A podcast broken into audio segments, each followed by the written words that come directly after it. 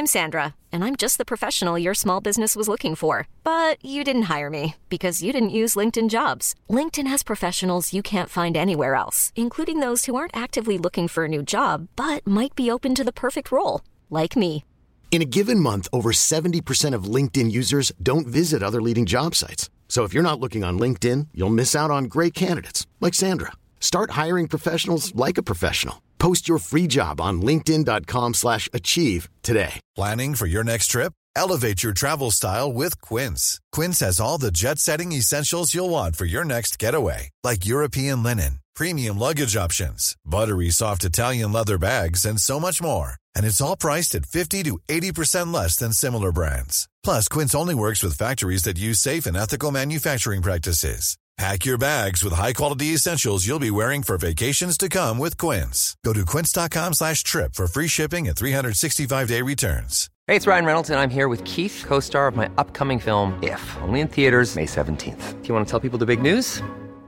All right, I'll do it. Sign up now and you'll get unlimited for $15 a month in six months of Paramount Plus Essential Plan on us. Mintmobile.com slash switch.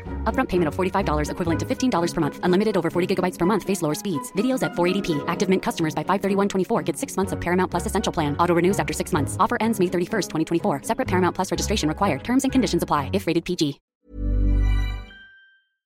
Helt siden de første menneskene slo seg ned i Trøndelag, har det blitt observert underlige lys over Hessdalen. Fenomenet har blitt forsøkt bortforklart som syner sett av bygdetullinger og deliriske hallusinasjoner forårsaket av den lokale drikkekulturen. Men det skulle vise seg at fenomenet stakk langt dypere, når Hessdalen-fenomenet fikk verdensomspennende oppmerksomhet i ufo-miljøet på 1980-tallet. Fenomenet er fremdeles der, og det er fremdeles like uforklarlig som den gang. I 2024 kommer en podkastserie i seks deler, produsert av Project Hessdalen, som kanskje en gang for alle skal finne svar på hva som rører seg på himmelen i denne bortgjemte dalen i Trøndelag. Serien har som seg hør og bør fått tittelen A Blaze in the Northern Sky, og den kommer til din favorittpodkastavspiller i 2024.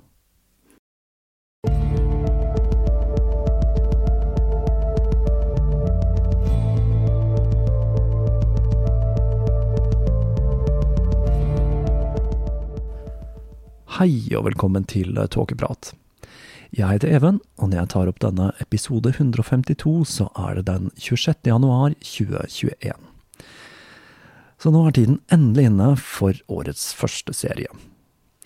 Sist helg ble ganske spesiell for min del, for på fredagen så giftet jeg meg, og den påfølgende lørdagen så stengte hele Østlandet ned igjen med de hardeste tiltakene siden utbruddet av pandemien.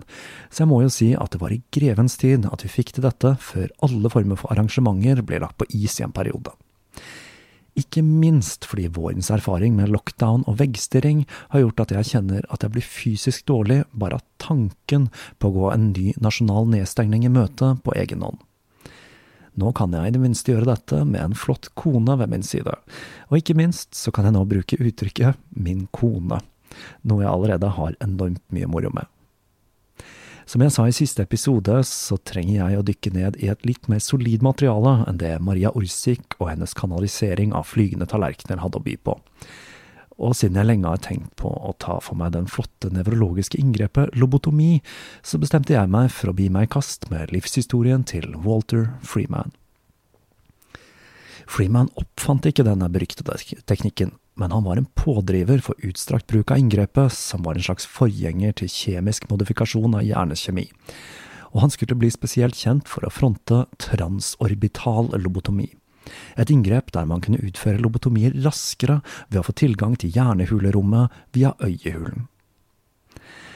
Jeg må si at denne historien nok fenget meg litt ekstra, fordi min egen bestefar var nevrolog, og jeg føler et visst behov for å se litt nærmere på historien, og ikke minst skyggesiden til nevrologien. Denne gangen skorter det ikke på kildemateriale, for Walter Freeman dokumenterte livet sitt i detalj. Hovedkilden min til denne fortellingen er The Lobotomist av Jack L. High, som ikke bare har vunnet priser for medisinsk journalisme, men som også har gått ekstremt grundig til verks i sine kildereferanser. Historien om lobotomi er en som er svært godt dokumentert, så her er det nok å ta av, og vesener fra Aldebaran glimrer med sitt fravær. I alle fall fra de som utførte inngrepet.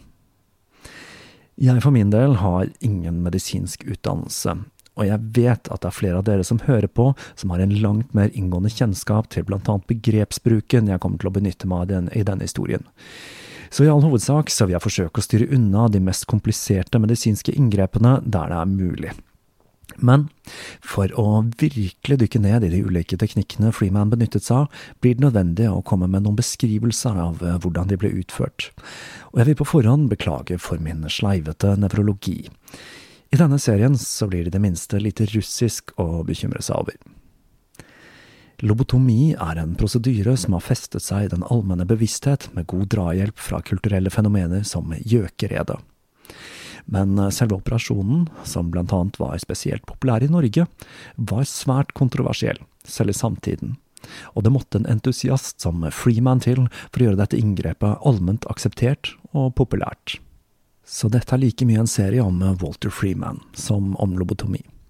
Han var en friskus av en skikkelse som skulle se potensialet til det å kutte nervetråder i hjernen som en måte til å regulere menneskelig oppførsel, og samtidig få tilfredsstilt en liten performer han hadde i magen. Og med det så gir jeg dere livet til lobotomisten Walter Freeman.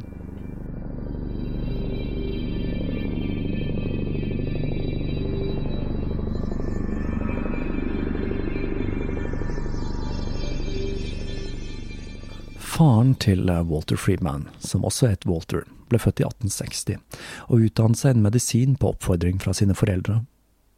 Under medisinstudiene så møtte han Corrine Keane, hvis mor var en fjern kusine av Lizzie Borden, en beryktet kvinne fra Falls River som ble anklaget, men frikjent, for å ha drept sin egen far og stemor med hakke.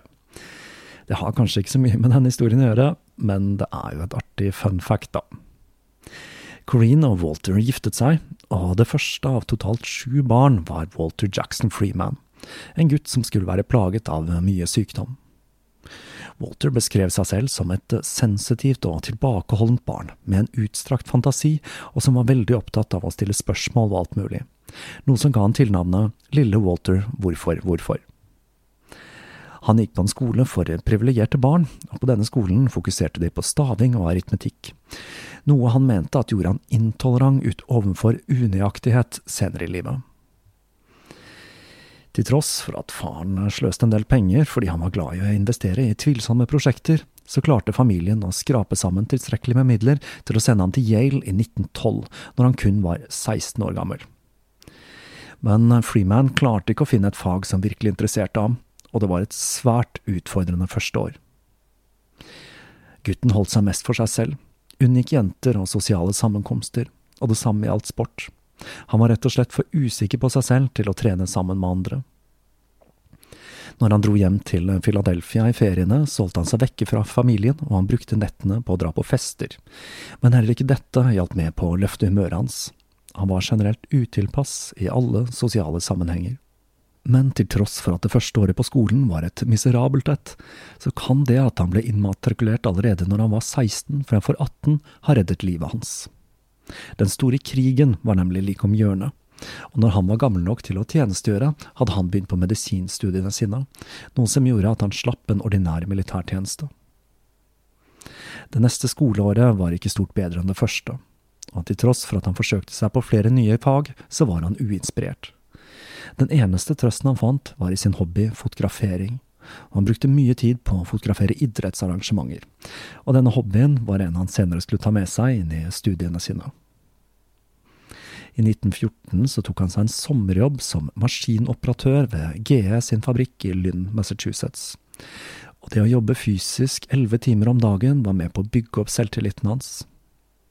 Det å jobbe med maskineri skulle også tenne hans interesse for ingeniørkunst, og for å bygge opp under denne så tok han ekstrakurs i matte den påfølgende sommeren.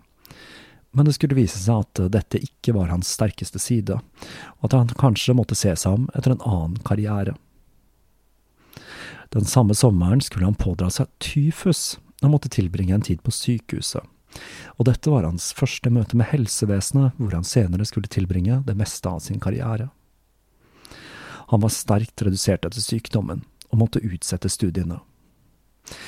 Inspirert av sykehuset, og ikke minst den sykepleier han kalte for sin okseøyede Hera, begynte Freeman å sysle med ideen om å studere medisin, noe faren var svært skeptisk til.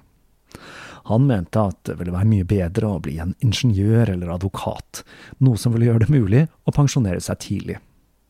I julen 1915 begynte han å føle seg som sitt gamle jeg igjen, og han var klar for å vende tilbake til Yale.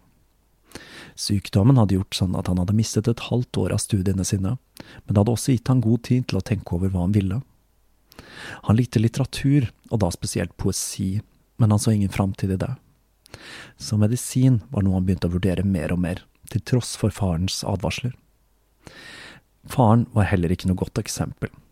Han var umotivert og uten ambisjoner.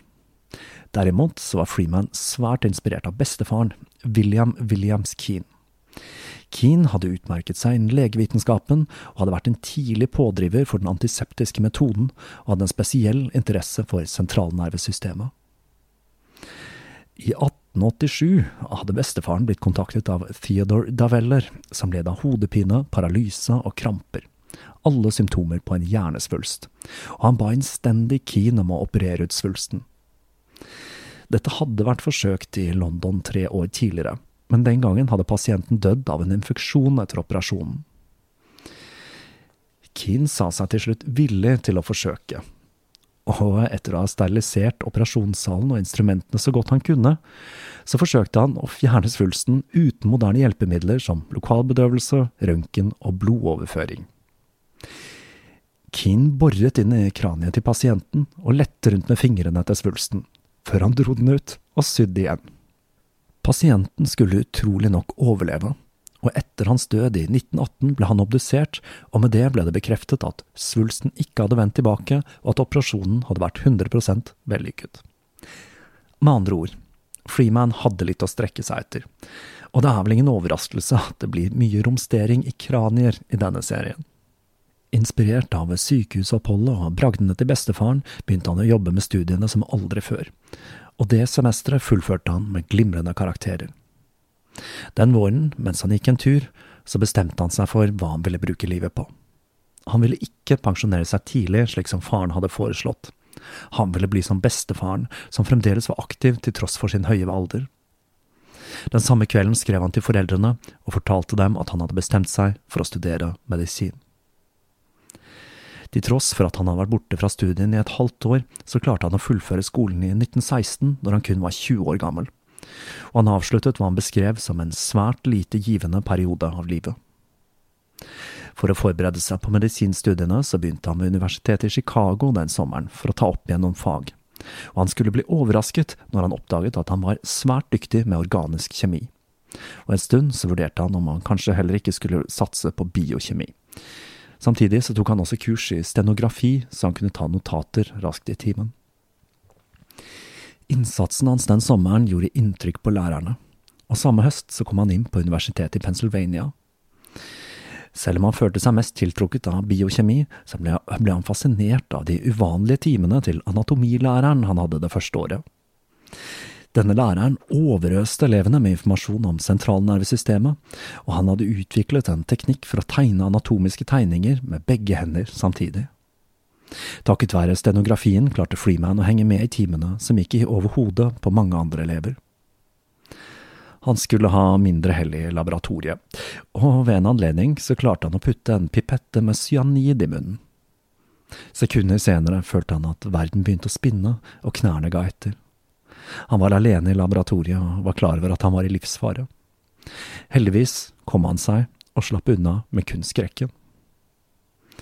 Allerede den våren slapp han sin første vitenskapelige artikkel, som tok for seg krystallisering av sølvnitrat. Etter det første året bestemte han seg for å ta flere kurs ved universitetet i Chicago. Denne gangen for å lære seg mer om sentralnervesystemet og hjernekjemi, i tillegg til å ta et kurs i psykiatri med Charles W. Burr en psykolog som var i ferd med å nærme seg pensjonsalder, og som var en arg motstander av Freud, og mente han hadde en skitten fantasi.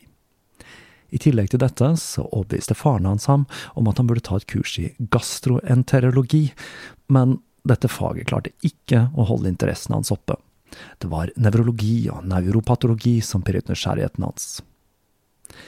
Freeman meldte seg inn i MERC, Medicinal Enlisted Reserve Corps, som lot medisinstudenter fortsette med studiene sine fram til de trengtes i aktiv tjeneste. Dette gjorde at han fikk en uniform han var svært stolt av, men denne skulle raskt bli full av brennmerker og andre tegn på mange sene kvelder i laboratoriet. Det er pussig hvordan sanndrømmer har en tendens til å dukke opp i disse biografiske fortellingene.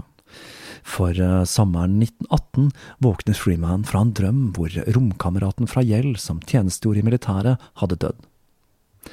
Kun noen få dager senere fikk han et brev fra faren til denne vennen, som fortalte at sønnen hadde blitt skutt ned i et fly, og klokkeslettet og datoen stemte på en prikk med når han våknet fra drømmen. Freeman syntes det hele var underlig, men konkluderte til slutt om at dette dreide seg om en tilfeldighet. Når tiden begynte å nærme seg for at han selv skulle til aktiv tjeneste i 1918, spurte han bestefaren om han ikke kunne skrive noen brev til hæren, så han ikke trengte å reise så langt. Bestefaren, som selv hadde tjenestegjort i borgerkrigen, trådte til, og sørget for at barnebarnet etter kort tid ble forfremmet til sersjant og fikk tjenestegjøre ved et militærsykehus like ved New Jersey. Der jobbet han ved patologisk avdeling, og i tillegg til å bistå med obduksjoner og balsamering, så spesialiserte han seg på å sjekke avføringsprøver for parasitter, noe som ga han det fine økenavnet Honningdypperen. Etter en tredagers perm hvor han dro for å besøke familien sin, kom han tilbake til et militærsykehus som ga han en forsmak på den verste pandemien i moderne historie.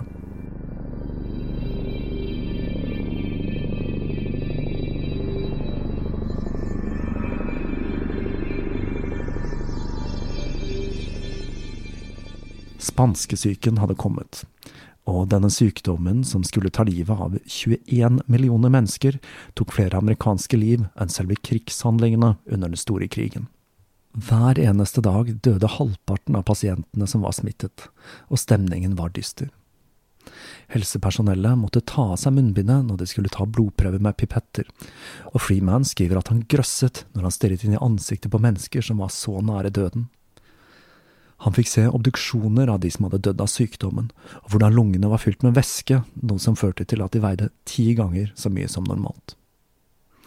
Mange av kollegaene ble selv syke, men ikke Freeman, og han spekulerte i om han kunne ha blitt immun siden han selv hadde vært syk like før utbruddet. Når han dro tilbake til studiene sine i september 2018, så var det i følge av 60 kister med han på toget. Men på grunn av influensaen var universitetet stengt så han og mange av hans medstudenter begynte å jobbe ved Medicochi-sykehuset i Philadelphia for å hjelpe til med å lette på trykket i pandemien. Det var ikke stort de kunne gjøre annet enn å fø på og bade de syke.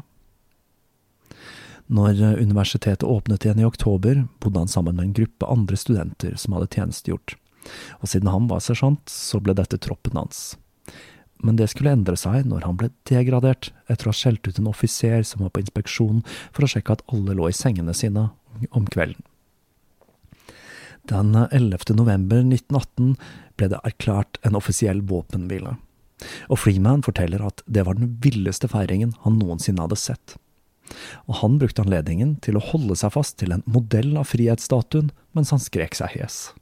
Den vinteren forsøkte han seg på kjærligheten, når han kurtiserte Clover Todd, som var ei jente som bodde i New York. Det skulle ikke bli noe av det forholdet, men jeg syns det er litt artig å ta med, fordi hun skulle senere gifte seg med Alan Dulles, som skulle bli direktøren for CIA. Det siste året av medisinstudiene skulle Freeman bruke på å fordype seg i nevrologi, et forholdsvis nytt fag med mye upløyd mark. Han satte spesielt pris på det å bruke anatomi og fysiologi for å løse nevrologiske problemer. Han fant inspirasjon i professor William G. Spiller, en blek mann ved universitetet som ble sagt å ha det å kutte biter av ryggrader som den fremste hobbyen sin. De fleste andre studentene fant Spiller kjedelig, men ikke Freeman, som ble dypt imponert av grundigheten i arbeidet hans, og han ønsket at Spiller skulle bli hans mentor. Men eh, Spiller var en kald fisk, og selv om Freeman viste en glødende interesse for nevrologi og klinisk arbeid, så lot han ham aldri være noe mer enn en assistent. Men til tross for dette fordypet Freeman seg i arbeidet. Og etter å ha forsøkt seg som fødselslege, så bestemte han seg en gang for alle for å gå fullt inn for nevrologi. Når han fullførte utdannelsen i 1920, var det som nest best i klassen. Freeman var besatt, og det hadde sin pris. Han ekskluderte de fleste andre delene av livet sitt, som familie og venner, og når faren ble diagnostisert med uhelbredelig leverkreft, så hadde han svært lite kontakt med ham. Men det var én ting han hjalp til med, og det var barbering, noe han mente var mannfolkarbeid som moren var lite egnet til. Faren hans døde 59 år gammel den 20. desember 1920. Men dette var en lettelse for Freeman, som var overbevist om at faren led fordi han kviet seg for å vise lidelsen til familien. Freeman arvet en god slump med penger, og moren tok seg en sekretærjobb og flyttet til Paris, hvor hun skulle bo til slutten av 20-tallet. Walter skulle begynne å jobbe som lærling ved universitetssykehuset i Philadelphia i februar 1921. Men sommeren 1920 fikk han seg en midlertidig jobb på legevakta til sykehuset i Pennsylvania, hvor han fikk erfaring med å behandle akutte skader. Det var ikke spesielt tilfredsstillende arbeid, så han begynte å studere neuropatologi under patologen N.W. Winkelman frem til han skulle begynne å jobbe i Philadelphia. Dette gjorde at han ble langt dyktigere til blant annet å ta og fotografere hjerneprøver. Når han begynte i den nye stillingen, fant han raskt ut at dette ikke var noe for ham. I stillingen som lærling var det forventet å være en del av den generelle staben ved sykehuset og dette passet ikke Freeman, som ikke likte å arbeide sammen med andre. Igjen skulle Freeman bli svært fascinert av en mann som ikke hadde så altfor mye til overs for ham. Charles H. Frazier, som var en nevrolog og neurokirurg ved sykehuset. Freeman beundret effektiviteten hans i operasjonssalen, og ikke minst den skarpe tungen hans, som sykehusstaben titt og ofte ble utsatt for. Og de han behandlet verst, var de som forsøkte å komme ham nære, slik som Walter. Dette stoppet ikke Freeman, som gjorde om på skiftplanen sin for å kunne tilbringe mest mulig tid med Frazier i operasjonssalen, og han ble svært stolt når han første gang tiltalte ham med fornavn. Det var i How would you like to look five years younger? In a clinical study, people that had volume added with Juvederm Voluma XC in the cheeks perceived themselves as looking five years younger at six months after treatment. Look younger, feel like you. Add volume for lift and contour in the cheeks with Juvederm Voluma XC. Reverse signs of aging by adding volume to smooth laugh lines with Juvederm Volure XC.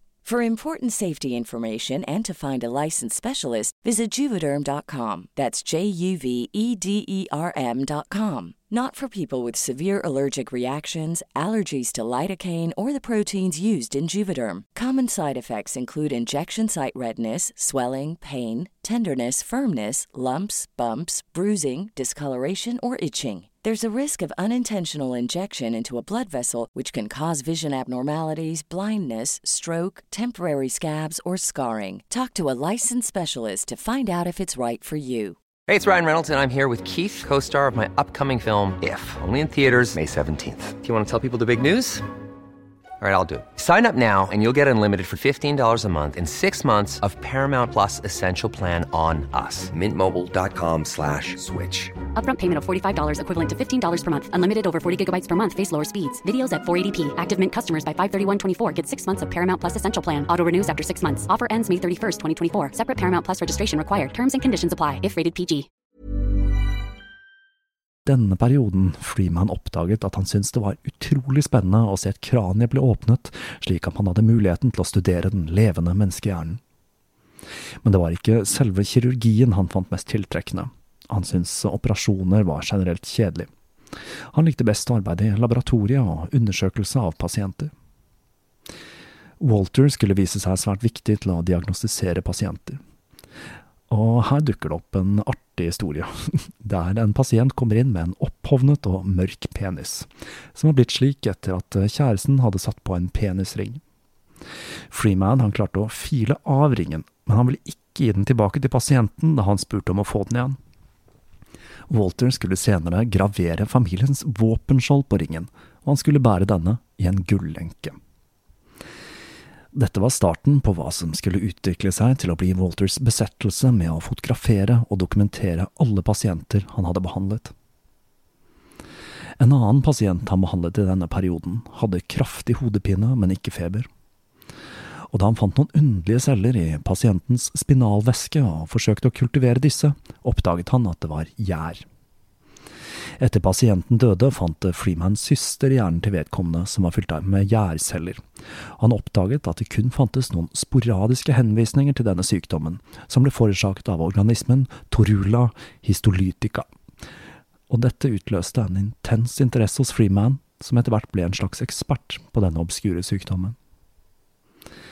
Når det ble en stilling ledig som assistentpatolog ved sykehuset i Philadelphia, kastet han seg over muligheten, og allerede første dag på jobb så utførte han hele ni obduksjoner. Igjen så banket kjærligheten på, midt oppi alle obduksjonene, når han møtte Madeleine James, en høy, ung dame med en forkjærlighet for lange øredobber. Dette var like før han skulle begi seg ut på en rundreise i Europa, og dette forholdet, som skulle ende med at Walter fridde, endte med et nedslående nei. Men før den tid skulle han altså legge ut på en europaturné for å studere sin store lidenskap, nevrologi. Han hadde fått et stipend som gjorde dette mulig, og i mai 1923 fulgte Madeleine han til skipet som skulle frakte ham til Frankrike, og hun sa at hun ville være med til Europa, og at kapteinen kunne gifte dem på båten. Men da var det Walter som takket nei.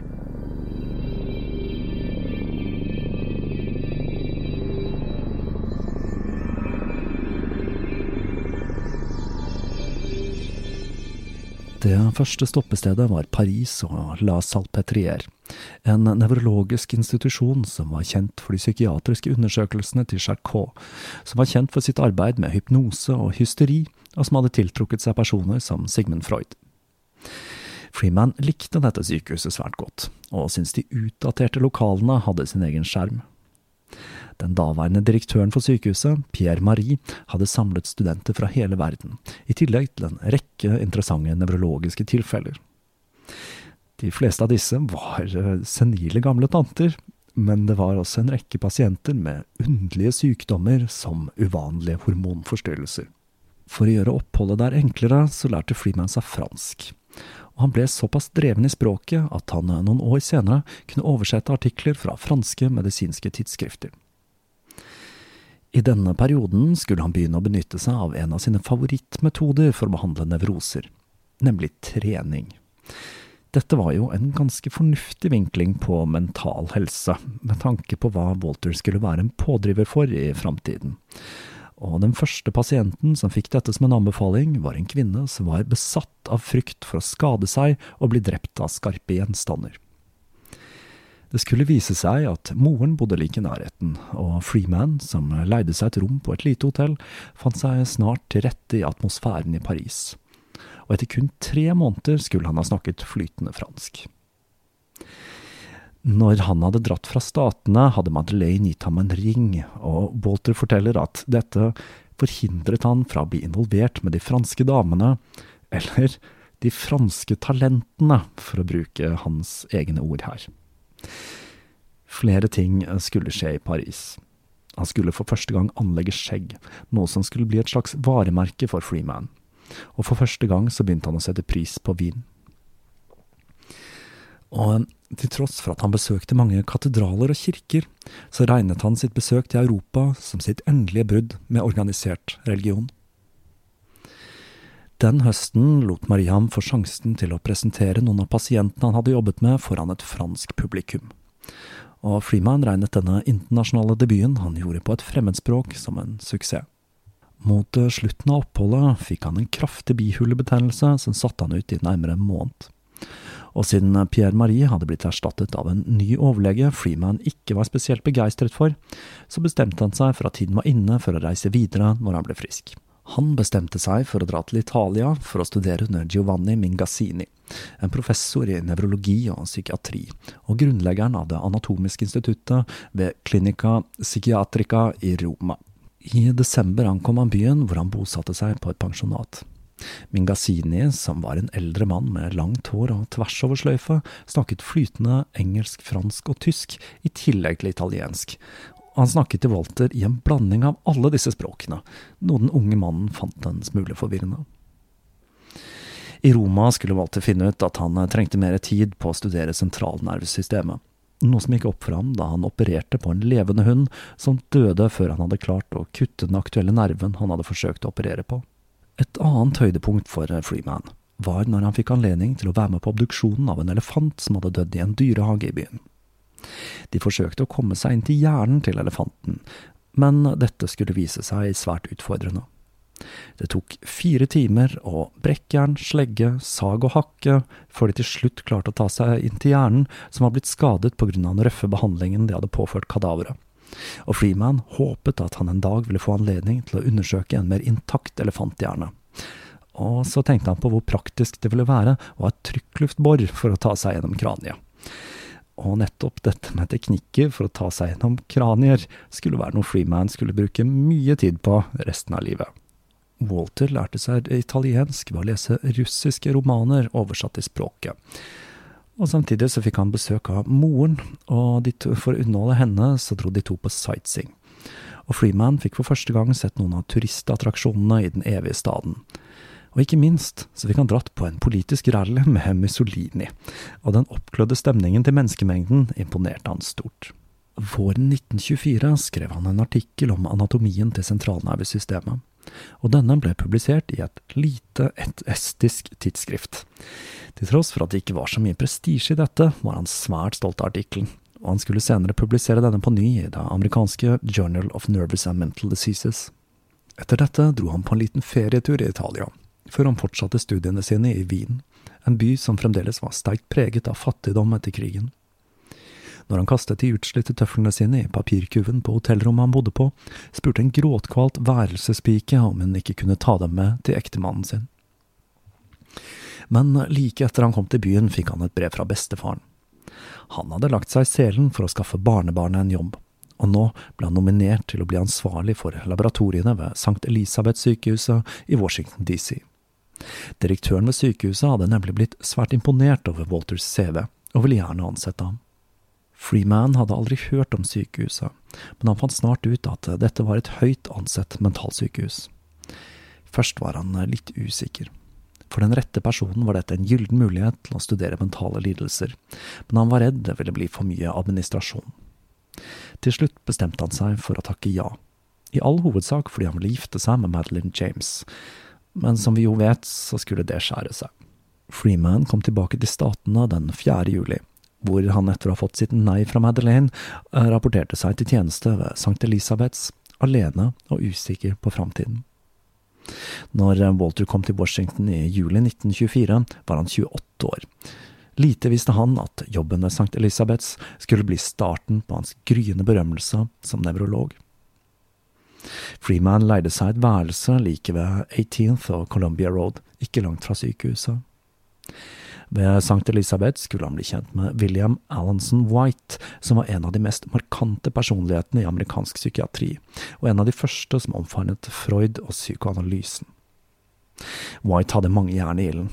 I tillegg til å styre St. Elisabeths var han en professor og forfatter, og han ble ofte brukt som ekspertvitne i kriminalsaker. White og Freeman skulle utvikle et varmt profesjonelt forhold, som skulle vare fram til Freeman begynte å gå i bresjen for bruken av psykokirurgi ved institusjonen. Sykehuset hadde blitt etablert i 1855, og det ble stiftet av Dorothea Dix, som var en mental helseaktivist. Under ledelsen til White sluttet man med mange av tvangsmetodene som hadde blitt brukt tidligere. Han var nemlig overbevist om at bruk av ting som tvangstrøyer ikke var med på å gjøre pasientene bedre. De fleste pasientene ved institusjonen led av ulike former for sykdommer som rammet sentralnervesystemet, inkludert neurosyfilis, som vi husker som det siste stadiet av syfilis, som vi jo kikket litt nærmere på i fjor. Denne sykdommen hadde man faktisk en behandlingsmetode for, og White hadde vært med i det første forsøket i USA der man brukte malaria for å fremkalle høy feber som drepte syfilisspirokettene en teknikk som ble utviklet av Julius Wagner Ritter von Jauregg i 1917. Freeman hadde faktisk møtt denne Julius Wagner ved hans klinikk i Wien kun noen uker før han begynte i den nye stillingen.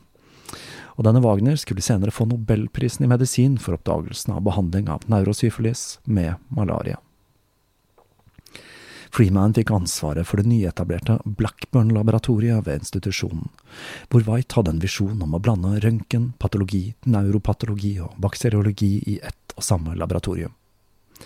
Det var hele 50 rom i denne avdelingen, og Freeman hadde flere teknikere og en neuropatolog under seg. Og Walter moret seg litt med at han hadde så mye autoritet i en alder av kun 29 år. Når han begynte ved sykehuset, var det i en periode da amerikansk psykiatri var i omfattende endring.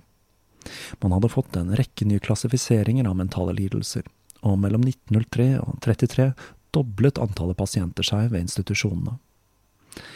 Utfordringen var at man ikke hadde så mange verktøy for å helbrede pasientene, noe som førte til at disse institusjonene var mer som store lagerbygninger, som huset tusenvis av lidende mennesker. Freeman skriver at han opplevde de 4300 pasientene ved St. Elisabeths med en blanding av frykt, avsky og skam, og at han hadde vanskeligheter med å føle sympati for dem.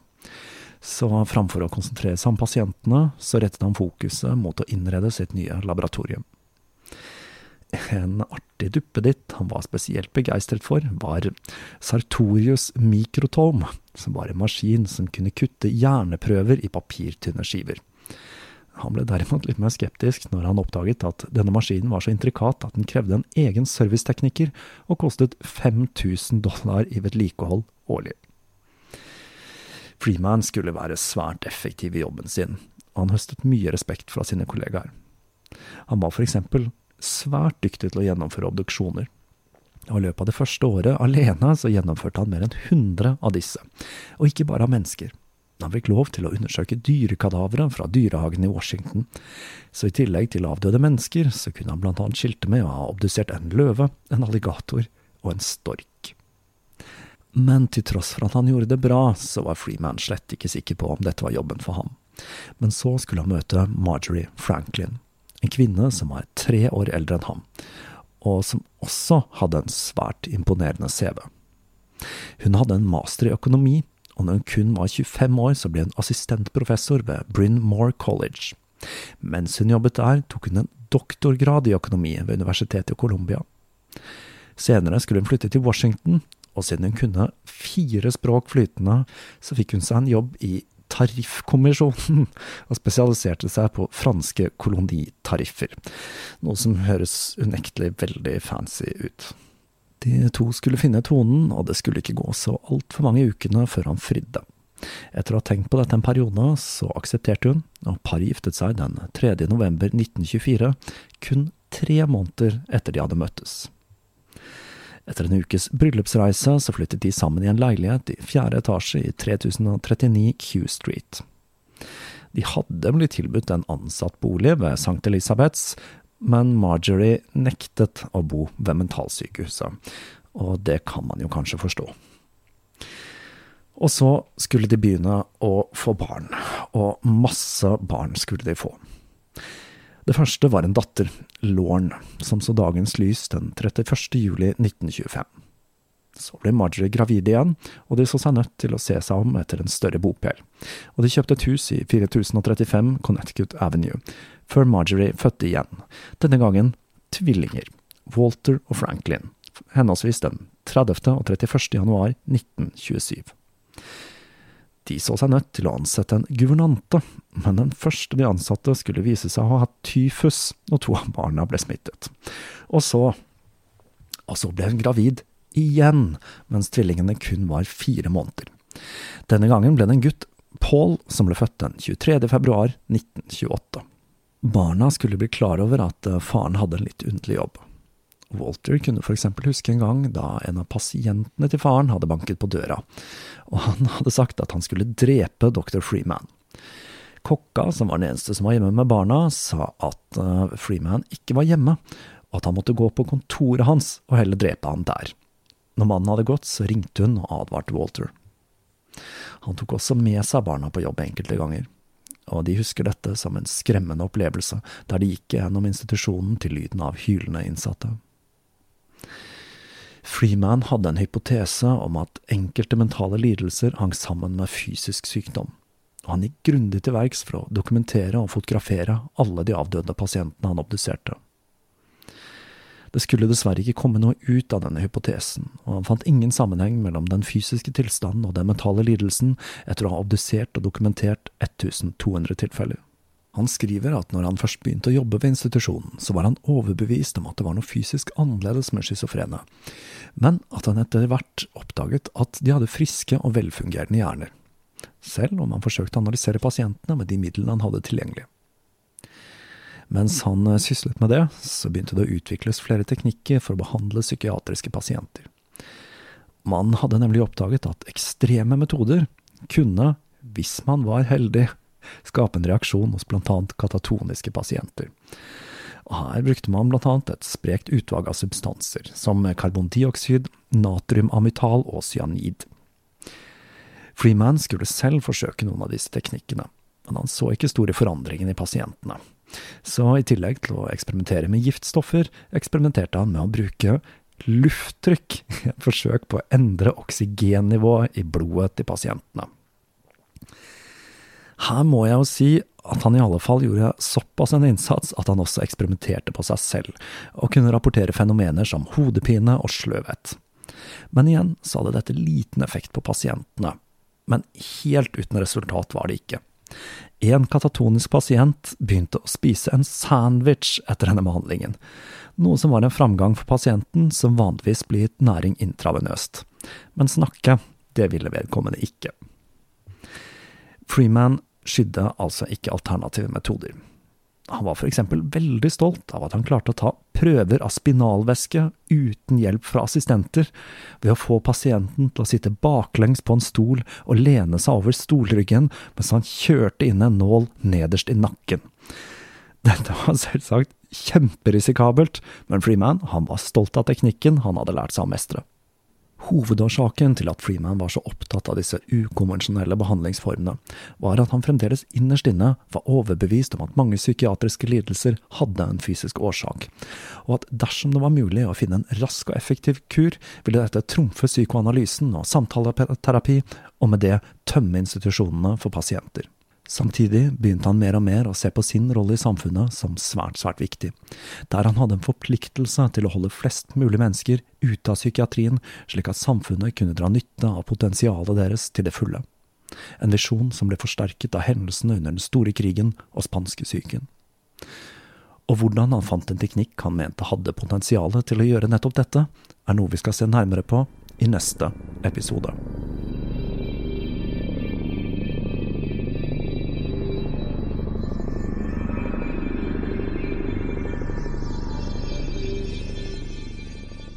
Og med det forlater vi Walter Freeman og hans søken etter en fysisk løsning på mental lidelse for denne gang. Og da er det bare for meg å kaste meg rundt og begynne på den neste delen i denne serien. Nå er det kommet to nye produkter i nettbutikken. En ny T-skjorte og en hettejakke. Denne gangen dreier det seg om grå plagg fra Continental Clothing. Disse er i ypperste kvalitet og er preget med motivet fra Juleprat 4-episoden. Sist var det nemlig en del etterspørsel etter andre farger enn svart, og siden jeg følte grå var en passende farge til dette motivet, så er det det det har blitt denne gangen. Det er eh, veldig ålreit å ha fått noen nye plagg på lager. Jeg har vært eh, utsolgt for eh, T-skjorter en stund, og denne gangen har jeg forsøkt å bestille flere av de størrelsene som ble revet vekk sist gang, inkludert flere større størrelser og flere girly skjorter men jeg begynner faktisk å gå tom for disse allerede, så her er det førstemann til mølla. Helt, helt til slutt så vil jeg som vanlig takke alle patrions, støttespillere og lyttere der ute. Det er underlige tider vi lever i, og jeg håper Tåkeprat kan være et lyspunkt i en usikker hverdag for dere der ute. På gjenhør.